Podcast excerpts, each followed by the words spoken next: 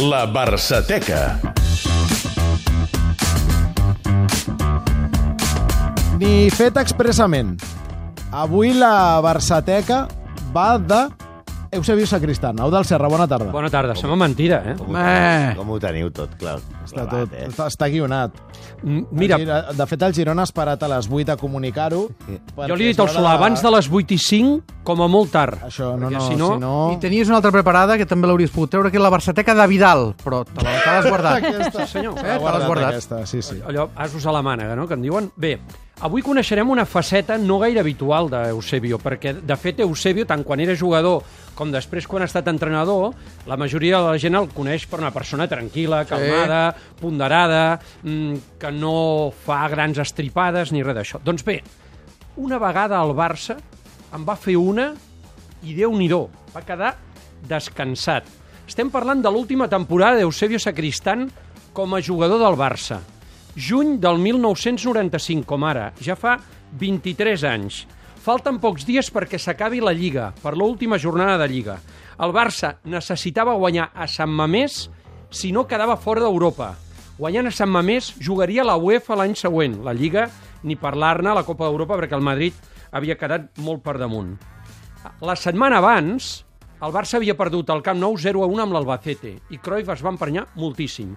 Tant que aquella setmana prèvia al partit de Sant Mamés fa una cosa que no havia fet mai.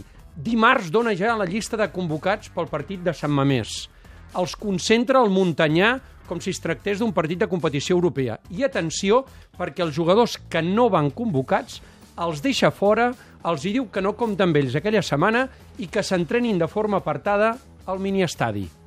Clar, això no va caure gens bé ni a la plantilla ni als jugadors que estaven doncs, afectats directament. Quique Álvarez, José Mari, Korneyev, Escaig i Eusebio Sacristán. Un Eusebio que ja sabia que acabava contracte i no continuaria al Barça. El migcampista, que havia estat un dels homes rellevants del Dream Team, critica durament Cruyff per aquesta decisió. Bueno, para mí lo primero eh, creo que es eh, una falta de, de respeto a, a unos profesionales pues que, que hasta ahora hemos demostrado pues eh, respeto y buenas eh, maneras hacia, hacia el entrenador y bueno, él sin embargo con nosotros pues eh, ha llegado hasta el punto de alguna manera de, de humillarnos de esta manera, ¿no? Caram. Assegura, a més a més, que no només els humiliats, sinó que el vestidor del Barça viu atemorit des de fa temps. este sistema, pues lo único que provoca es miedos y, y de alguna manera que el vestuario pues eh, se esté volviendo demasiado cobarde, ¿no? Llevamos mucho tiempo así.